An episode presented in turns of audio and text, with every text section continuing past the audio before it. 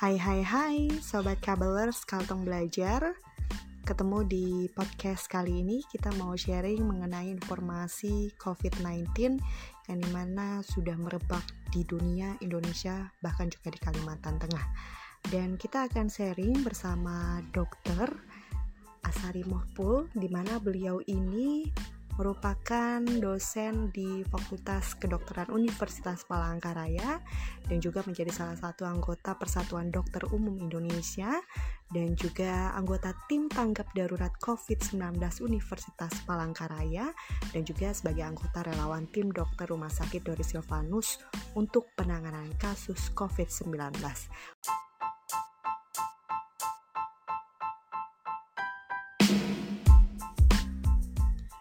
Untuk itu kita akan bergabung bersama Dr. Asari Mahpul uh, di podcast Kalteng Belajar.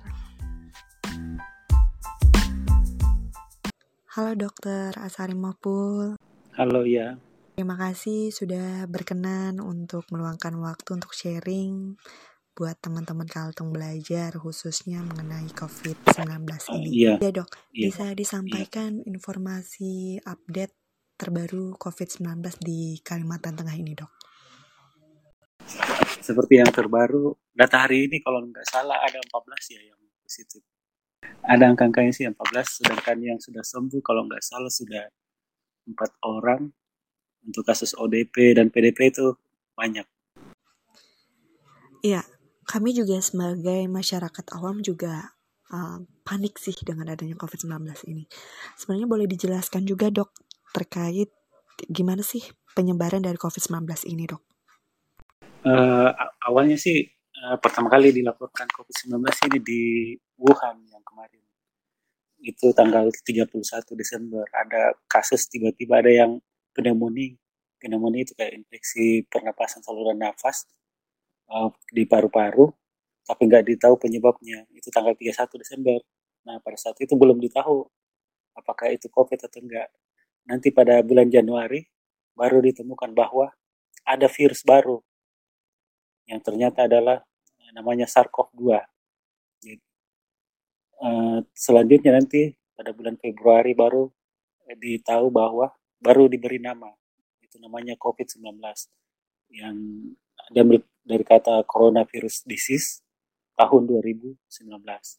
Nah, untuk penyebarannya sendiri awalnya dia menyebar istilahnya du- dulu ini penyakitnya namanya penyakit zoonosis, artinya penyakit yang menyebar dari uh, hewan ke manusia.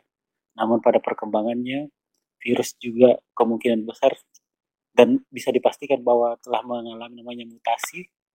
Akhirnya virus ini mempunyai kemampuan untuk bisa berpindah dari manusia ke manusia. Nah ini yang ditakutkan. Jadi nggak dari hewan lagi, tapi dari manusia ke manusia. Oke, berarti uh, dari manusia ke manusia ya dok ya. Uh, banyak juga informasi di mana penyebaran ini dari manusia ke manusia dengan uh, droplet dan segala macam dan juga bisa melalui udara katanya. Itu gimana sih dok? Boleh dijelaskan juga? Eh, untuk sementara ini yang eh, ber- yang yang referensi yang terpercaya itu penyebarannya itu melalui droplet. Nah, droplet itu kayak kalau misalkan orang bat- batuk atau bersin ada percikan-percikan yang kayak percikan berupa lendir-lendir atau air liur. Nah, itu namanya droplet. Nah, percikan itu membawa virusnya. Eh, apabila eh, virus itu atau droplet itu tersentuh misalkan tangan manusia, terus tangan maksudnya tangan yang nggak sakit, eh, terus tangan eh, tangan yang nggak sakit itu menyentuh hidung atau mulut atau mata, maka di situ jalur masuknya. Jadi eh, penularannya itu untuk sementara ini melalui droplet. Itu untuk pasien yang namanya pasien simptomatis at- atau pasien yang mempunyai gejala. Jadi ada yang eh, sekarang itu ada dibedakan antara pasien yang simptomatis, ada juga yang asimptomatis. Asimptomatis itu nggak ada gejala. Kalau simptomatis ada gejala berarti ge- gejalanya itu bisa berupa batuk sama bersin. Nah, ketika dia bersin dan batuk itu, maka eh, virusnya bisa terpercik keluar yang bisa nantinya menjadi uh, untuk bisa masuk ke tubuh orang lain yang yang akhirnya orang lain tersebut bisa terjangkit uh, penyakit COVID-19. Cuman Hati-hati. Uh, yang, ter, yang terbaru ini, yang ini asimptomatis. Asimptomatis artinya dia nggak ada batuk, nggak ada bersih, tapi dia bisa menularkan. Nah untuk uh, jurnal itu karena apa dok? Uh, jurnal terbaru itu mekanismenya belum diketahui. Bagaimana sih metode perpindahannya? Makanya sekarang itu uh, bahkan WHO sudah menyarankan untuk uh, menggunakan masker baik yang sakit maupun yang tidak sakit. Padahal sebelumnya WHO itu sarankan yang menggunakan masker itu hanya yang sakit aja. Tapi sekarang dia sarankan untuk yang nggak sakit juga karena ini adanya yang asimptomatis, adanya yang nggak nggak ada gejala. Yang asimptomatis ini sebenarnya nggak masalah bagi yang sakit itu karena dia nggak memberikan gejala. Yang bermasalah adalah potensi untuk terjadinya penularan karena dia nggak tahu dia lagi sakit atau enggak. Jadi karena dia nggak tahunya itu, uh, mungkin dia merasa diri aman, akhirnya uh, uh, berhubungan dengan orang lain itu uh, mungkin nggak terlalu diwaspadai tentang adanya penularan. Jadi kemungkinan besar tertularnya dari sini. Makanya WHO sekarang sarankan untuk semua, untuk semuanya menggunakan masker. masker ya. ya istilahnya begini, uh, di Swiss itu uh, di Ceko di Ceko itu istilahnya dia uh, saya proteksi anda dan anda proteksi saya jadi uh, kita menganggap bahwa orang lain itu sakit jadi kita bisa menghindari penularan dari orang lain dan bisa kita menganggap diri kita bahwa kita sakit sehingga kita bisa antisipasi jangan sampai kita menularkan ke orang lain jadi sakit maupun tidak sakit sebaiknya pakai masker. Ya dok, boleh di-share juga dok terkait selain pakai masker, tentunya juga sering cuci tangan dan segala macam. Boleh dijelaskan juga seperti apa dok? Uh, sebenarnya WHO lebih uh, mengutamakan uh, untuk pencegahan ini adalah perilaku hidup bersih dan sehat. Uh, kita disarankan untuk sering-sering mencuci tangan. Kenapa? Karena uh, media atau media atau trans, media transmisinya atau media uh, virus ini berpindah itu terutama di tangan. Kenapa di tangan? Karena uh, kita ketahui bahwa masuknya virus ini ada tiga tempat masuknya virus terutama yaitu di mata, di hidung, sama di mulut.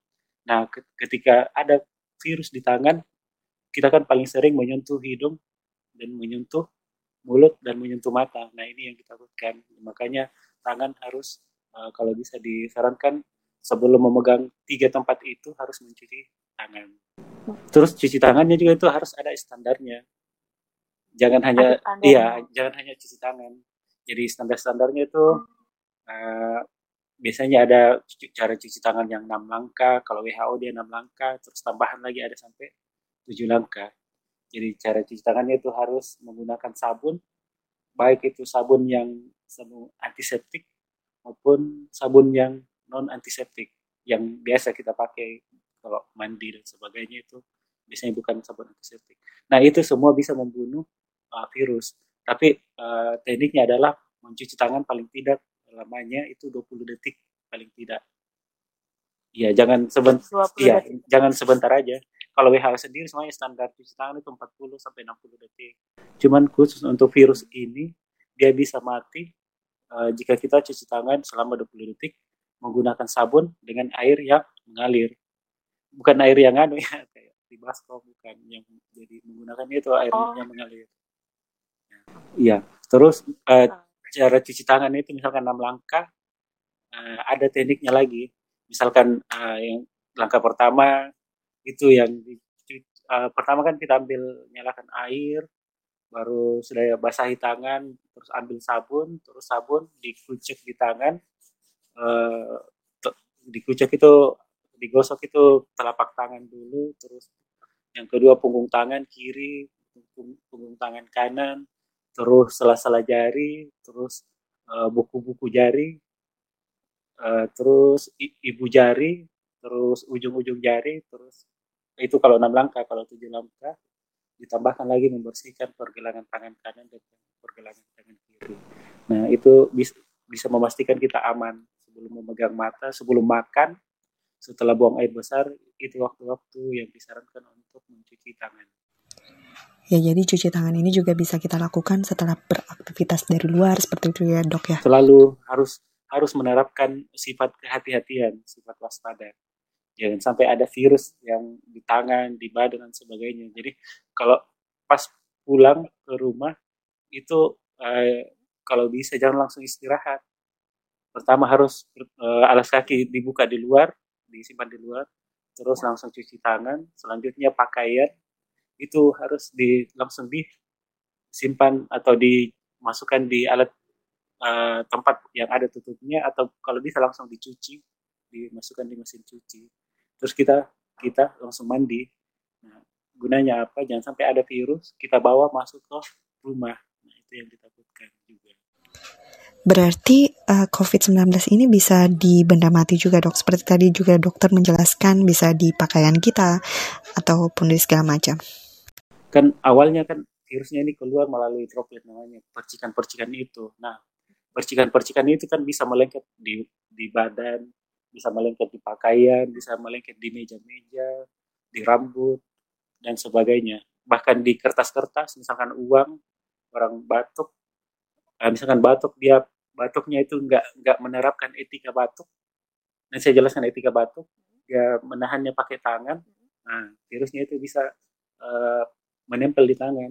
Nah, pas menempel di tangan, terus memegang uang dan uangnya kita pegang, nah itu bisa jadi transmisi. Jadi uh, virusnya itu bisa berpindah ke tangan kita karena memegang uang yang sebelumnya dipegang oleh orang yang positif uh, COVID ini. Nah, seperti itu. Jadi kemungkinan besar ada virus yang bisa melengket di badan kita. Berarti untuk lengketnya sendiri apakah uh, bertahan lama atau seperti apa? Berapa jam gitu dok? Atau gimana dok? Uh, sebenarnya kita nggak usah kita nggak uh, memang ada waktu-waktunya. Ada yang misalkan di plastik ada sampai berapa hari berapa jam. Tapi kita seharusnya nggak memperhatikan itu. Yang kita pastikan adalah kita bisa uh, sedapat mungkin menerapkan perilaku hidup bersih dan sehat. Jadi kalau ada kemungkinan ada virus atau apa yang virus ini kan kita nggak lihat. Jadi kita curiga-curiga aja jangan sampai ada yang menempel dan sebagainya kita terapkan. Tetap eh, rutin cuci tangan kayak seperti itu menggunakan antiseptik kalau misalkan nggak ada antiseptik. Terus pakaian-pakaian uh, kayak tadi itu disimpan terus uh, bagian-bagian yang sering disentuh sering disentuh bagian rumah kayak gagang pintu meja dan sebagainya. Itu kalau bisa sering-sering untuk dilakukan uh, dikasih disinfektan seperti alkohol dan sebagainya. Iya dok, jadi untuk virus ini juga bisa mati dengan penyemprotan disinfektan dan segala macam berarti ya dok ya? Uh, virus ini mati uh, dengan salah satunya dengan penyemprotan alkohol yang kadarnya itu minimal 60%. Jadi biasanya kan antiseptik itu 70% dan sebagainya. Nah itu sudah mati. Kalau misalkan mau buat uh, larutan antiseptik, pastikan konsentrasinya atau kadarnya itu kadar alkoholnya itu 60% paling tidak. Ya yang sempat viral juga mengenai berjemur dok. Apakah virus itu bisa mati uh, dengan kita berjemur di pagi hari atau seperti apa dok? Uh, untuk berjemur sendiri sebenarnya untuk membunuh virusnya itu enggak enggak bisa karena virus ini mati uh, pada suhu-suhu tertentu yang di atas suhu untuk menjemur itu. Biasanya suhu 60-an ke atas virusnya baru bisa mati. Kalau orang berjemur itu eh, paling 30 sampai 40 derajat. Jadi dia nggak sampai ke itu. Tapi eh, kenapa orang disarankan untuk berjemur? Itu karena untuk eh, untuk eh, membentuk atau tubuh kita membentuk namanya vitamin D. Jadi vitamin D di tubuh itu dibentuk dengan bantuan itu ada sinar matahari sinar ultraviolet pada jam-jam tertentu. Iya. Baiknya jam ya sekitar jam sepuluhan Iya. Puluhan. Nah, tapi kita nggak Iya, ya paling sekitar 15 menitan aja untuk berjemur. Itu untuk uh, uh, mencipta uh, untuk menghasilkan uh, sehingga untuk merangsang tubuh untuk menghasilkan vitamin D. Kenapa harus dihasilkan vitamin D? Karena itu bisa uh, meningkatkan kekebalan tubuh kita. Ada beberapa penelitian yang uh, uh, orang Indonesia itu uh, di beberapa penelitian itu kadar vitamin D-nya walaupun dia daerahnya tropis itu banyak yang masih rendah. Sedangkan vitamin D sendiri ini berhubungan dengan kekebalan tubuh dan ada penelitiannya bahwa uh, kadar vitamin D yang normal itu dia bisa uh, lebih kebal untuk terjadinya uh, penyakit saluran pernapasan dibanding uh, kadar vitamin D orang yang rendah. Ya dok, berarti untuk suplemen sendiri kita tetap memerlukan juga ya dok ya.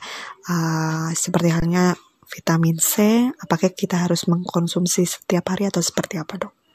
Uh, vitamin C, vitamin E itu digunakan diperlukan untuk uh, meningkatkan daya tahan tubuh kita.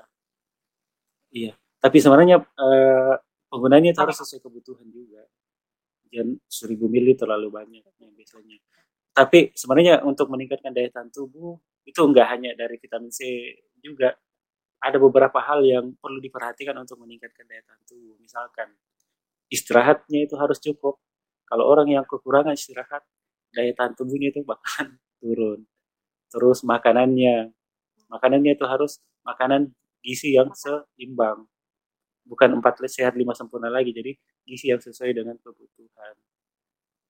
Ya terus ya terus berikutnya harus rajin olahraga jadi walaupun kita disarankan untuk uh, hindari keluar rumah, kan di rumah juga masih bisa olahraga, di pekarangan rumah kita masih bisa olahraga. Jadi untuk menjaga stamina, imunitas, uh, sebaiknya dilakukan dengan olahraga. Terus ini juga yang perlu diperhatikan bahwa uh, kebanyakan kita nonton berita yang sekarang itu banyak yang membuat kita ngeri-ngeri, membuat panik ya, stres ya, ya jadi takut. Nah, kalau stres ini dia bisa menurunkan daya tahan tubuh. Kenapa? Karena kalau orang stres makannya pasti nggak enak. Kalau orang stres tidurnya pasti nggak enak, makan nggak enak, nah, gizi nggak nggak nggak nggak mencukupi, daya tahan tubuh turun. Uh, stres susah tidur, istirahat tidak cukup, daya tahan tubuh turun. Makanya uh, kita harus perlu mengelola ini stres ini, jangan sampai dengan berita-berita seperti ini terlalu banyak berita berita yang liar akhirnya kita jadi stres.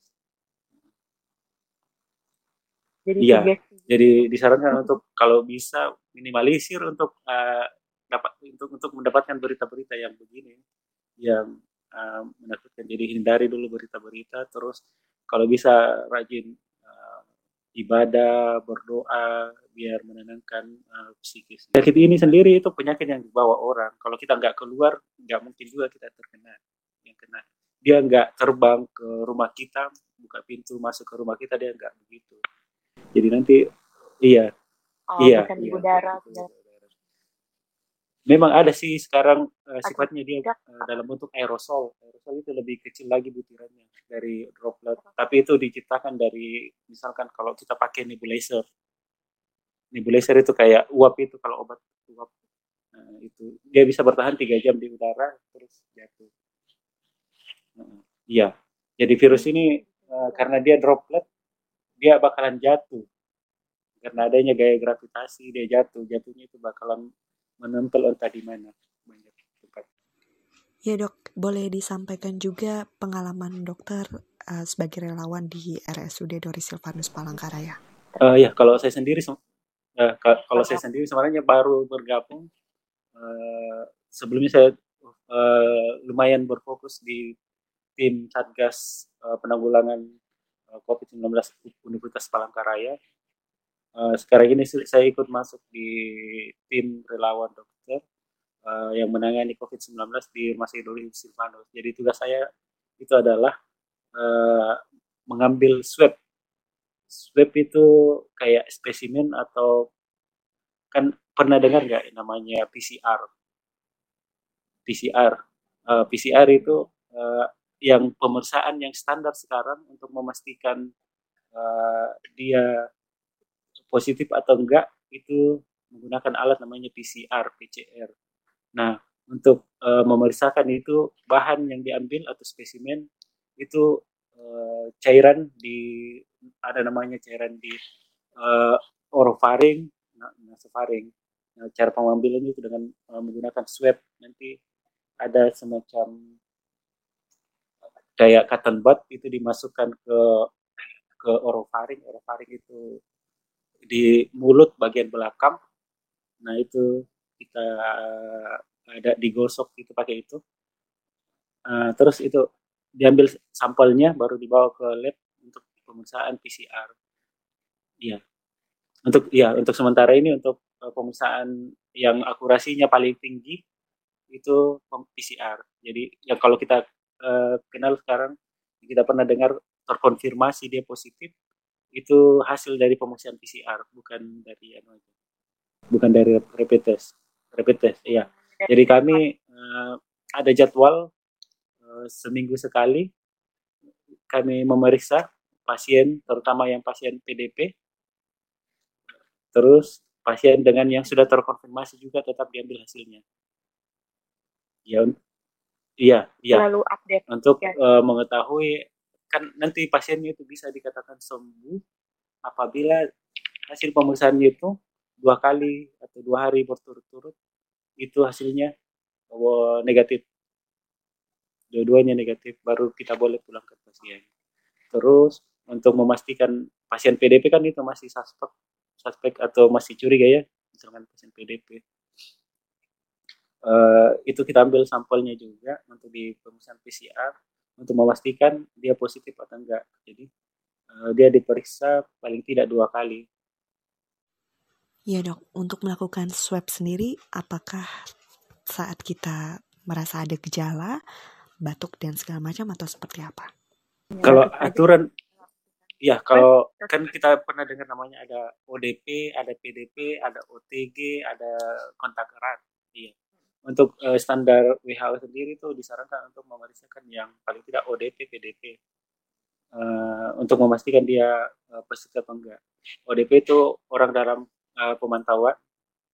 Uh, artinya ODP, PDP itu ada gejalanya. Kalau ODP kita harus bedakan dulu yang mana ODP, yang mana PDP. Nah, untuk sementara ini di Indonesia itu masih memeriksa yang PDP, yang gejalanya dia itu sudah jadi pasien namanya pasien artinya gejalanya semuanya lumayan lebih berat daripada ODP. Nah itu yang diambil sampelnya. Iya. Harusnya harusnya semuanya standarnya semua orang diambil. Jadi bisa dipastikan karena iya adanya yang simptomatik. Cuman itu kan nggak mungkin dilakukan karena Indonesia kemampuannya bahkan negara barat pun nggak bisa melakukan. Uh, kalau Indonesia mampunya sekarang ini masih PDP aja yang dilakukan itu PDP uh, eh, yang kontak erat yang kontak erat dengan pasien sama yang uh, sudah positif untuk melihat kesembuhan atau tidaknya. Ya, kontak erat itu ya. Oh, oke. Okay. Ya, kalau kontak erat itu kontak sendiri erat. misalkan ada orang yang tiba-tiba uh, dinyatakan positif ya dengan hasil PCR dia positif. Uh, misalkan sebelum sebelum sebelum kita tahu dia uh, positif kan sebelumnya mungkin uh, sebelum diperiksa mungkin dia ada kontak dengan orang lain misalkan di rumahnya di uh, kontak dengan keluarganya atau misalkan uh, sama-sama kerja jadi itu sudah masuk kategori dengan uh, namanya kontak erat. Jadi itu harus diperiksa juga. Dan sampai walaupun tanpa gejala Terakhir dok, uh, bisa disampaikan untuk closing statement mengenai COVID-19 ini untuk masyarakat Provinsi Kalimantan Tengah. Uh, iya, untuk uh, COVID sendiri sebenarnya uh, ada namanya uh, fatality rate atau tingkat kematiannya itu dibanding virus-virus uh, corona sebelumnya itu dia lebih rendah sih. Cuman uh, dia tingginya ini dia anu kekuatan untuk menyebarnya itu lebih tinggi dibanding virus virus-virus jenis virus corona pendahulunya. Kan kita sebelumnya ada uh, SARS-CoV, SARS dan MERS sebelumnya sudah ada sebelumnya. Uh, makanya bahkan sekarang sudah menyebar sampai ke lebih dari 200 negara virus ini. Uh, untuk uh, sebenarnya kalau dilihat dari statistik uh, angka untuk pasien ini sendiri sih digolongkan misalkan ada namanya asimptomatik yang saya bilang tadi asimptomatik eh, ada yang gejala ringan gejala berat dan eh, gejala yang fatal. Fatal itu gejala uh, asimptomatik itu artinya tanpa gejala jadi itu ada persentasenya sekitar 2 persen kalau menurut penelitian di Cina. Terus uh, gejala ringan itu dari itu persentasenya sekitar 70 70 persen. Artinya uh, orang yang COVID itu banyak yang cuman kebanyakan adalah gejalanya ringan aja. Gejala ringan itu kayak batuk pilek aja. Kalau misalkan sesak sesak ringan aja. Terus sekitar 20-an persen itu dia mengalami uh, dia uh, gejala berat atau severe. Gejala berat itu dia harus yang lumayan berat dia butuh oksigen dia ada pneumonia pneumonia berat. Terus yang uh, yang fatal ini yang misalkan harus masuk ICU dan harus bant, uh, pakai bantuan pernapasan itu sekitar tiga persen. Nah sekitar tiga persen itu menurut data penelitian adalah orang-orang yang uh, sudah uh, umurnya uh, yang mempunyai umur usia lanjut dengan uh, ada penyakit penyertanya misalkan penyakit uh, hipertensi, ada penyakit jantung, ada uh, penyakit asma atau paru-paru memang sebelumnya atau ada kanker. Jadi ada faktor-faktor pemberat. Jadi kalau misalkan orang yang daya tahan tubuhnya bagus, itu kemungkinan jatuhnya ke arah yang penyakitnya ringan aja. Jadi terus jadi enggak usah terlalu waspada kalau memang merasa diri punya daya tahan tubuh bagus. Terus yang kedua eh, banyak hal yang bisa dilakukan untuk menghindarinya. Pertama, eh, kita usahakan untuk kalau sedapat mungkin eh, di rumah, stay di rumah aja. Kenapa? Karena virus ini uh, bu bukan bukan uh, dia cari orang. Virus ini datang kalau kita berdekatan dengan orang lain. Jadi kita kalau misalkan memang harus keluar rumah, itu kita harus menghindari namanya kerumunan. Kenapa? Karena kalau misalkan di kerumunan itu peluang untuk penyebarannya itu lebih banyak karena kita nggak tahu apakah ada yang terkena virus atau enggak di situ.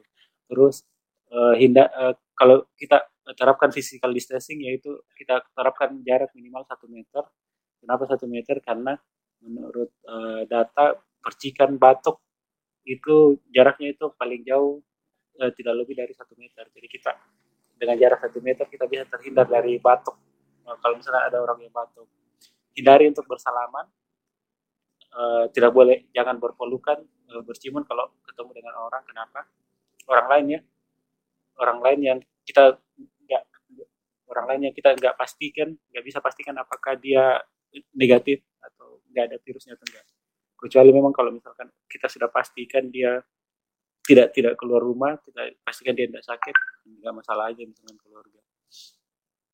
Uh, ya hindari ya banyak sih uh, kalau bisa kerja dari rumah hindari kerumunan uh, hindari dulu keluar kota terus uh, jika sakit uh, batuk pilek uh, segera berobat aja untuk pastikan jangan sampai anu terus jangan sampai mengarah mengarah ke covid.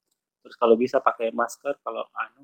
Nah tentang masker yang tadi uh, sekarang disarankan untuk semua pakai masker tapi permasalahannya sekarang adalah masker susah didapat dan kalaupun ada mahal jadi uh, untuk CDC sendiri dan WHO itu sudah bisa sarankan untuk menggunakan masker yang kain. Itu paling tidak. Iya iya. Uh, kalau nggak ada kain yang masker yang biasa dipakai ya masker bedah. Paling tidak masker kain itu bisa melindungi walaupun tidak seefektif ya, masker bedah yang tadi. Terus ya terus uh, tingkatkan imunitas tadi yang kayak seperti tadi olahraga dan sebagainya istirahat yang cukup. Uh, terus uh, kalau bisa kelola uh, stresnya manajemen stres jangan sampai jangan sampai stres. Terus kedua rajin-rajin uh, mencuci tangan. Apalagi kalau misalkan habis menyentuh sesuatu yang kemungkinan besar uh, terkena virus atau terkontaminasi dengan virus uh, sebelum memegang sebelum makan harus cuci tangan karena dia bisa masuk ke saluran pencernaan penulurannya terus sebelum memegang mata hidung atau mulut harus cuci cuci tangan dengan uh, enam langkah ya, sesuai standar yang tadi. Terus uh, kalau bisa rumah atau tempat-tempat yang sering disentuh itu kita lakukan penyemprotan uh, pemberian disinfektan. Ya saya rasa itu aja ya. oh ya terus etika batuk. Ada ada ada namanya etika batuk. Ah Nah, itu kalau batuk itu biasanya orang batuk ditahan pakai mulut itu jangan eh ditahan pakai uh, tangan itu jangan. Karena kalau kita tahan pakai tangan uh, dropletnya atau percikannya itu bisa ke tangan. Nah itu dari tangan itu bisa menyebar ke mana-mana. Jadi harus nah. paling tidak menggunakan tisu. Sebaiknya? atau kalau nggak ada tisu uh, tuh pakai lengan lengan lengan lengan atas. Iya bagian dalam. Tutupnya pakai itu. Karena e, kalau lengan aja nggak masalah karena lengan kan nggak memegang juga. Jadi risikonya lebih rendah. Atau pakai masker kalau memang sudah batuk sering terus setelah e, misalnya pakai tisu tadi setelah batuk harus cuci cuci tangan lagi jangan sampai ada di tangannya e, tertempel virus yang bisa menyebar ke mana-mana Uh, Baik, iya. terima kasih banyak informasinya dok dan luar biasa terima kasih sangat bermanfaat sekali dan terima kasih untuk sharingnya di Kalteng Belajar. Ya, coba kita cepat melewati Baik. cobaan ini. Uh, ya, dengan selamat semua. Amin, amin. Ya, sehat selalu untuk kita semua dan selamat bertugas ya, kembali sama-sama. dok. Terima kasih. Sama-sama, Ibu Beta Centauri.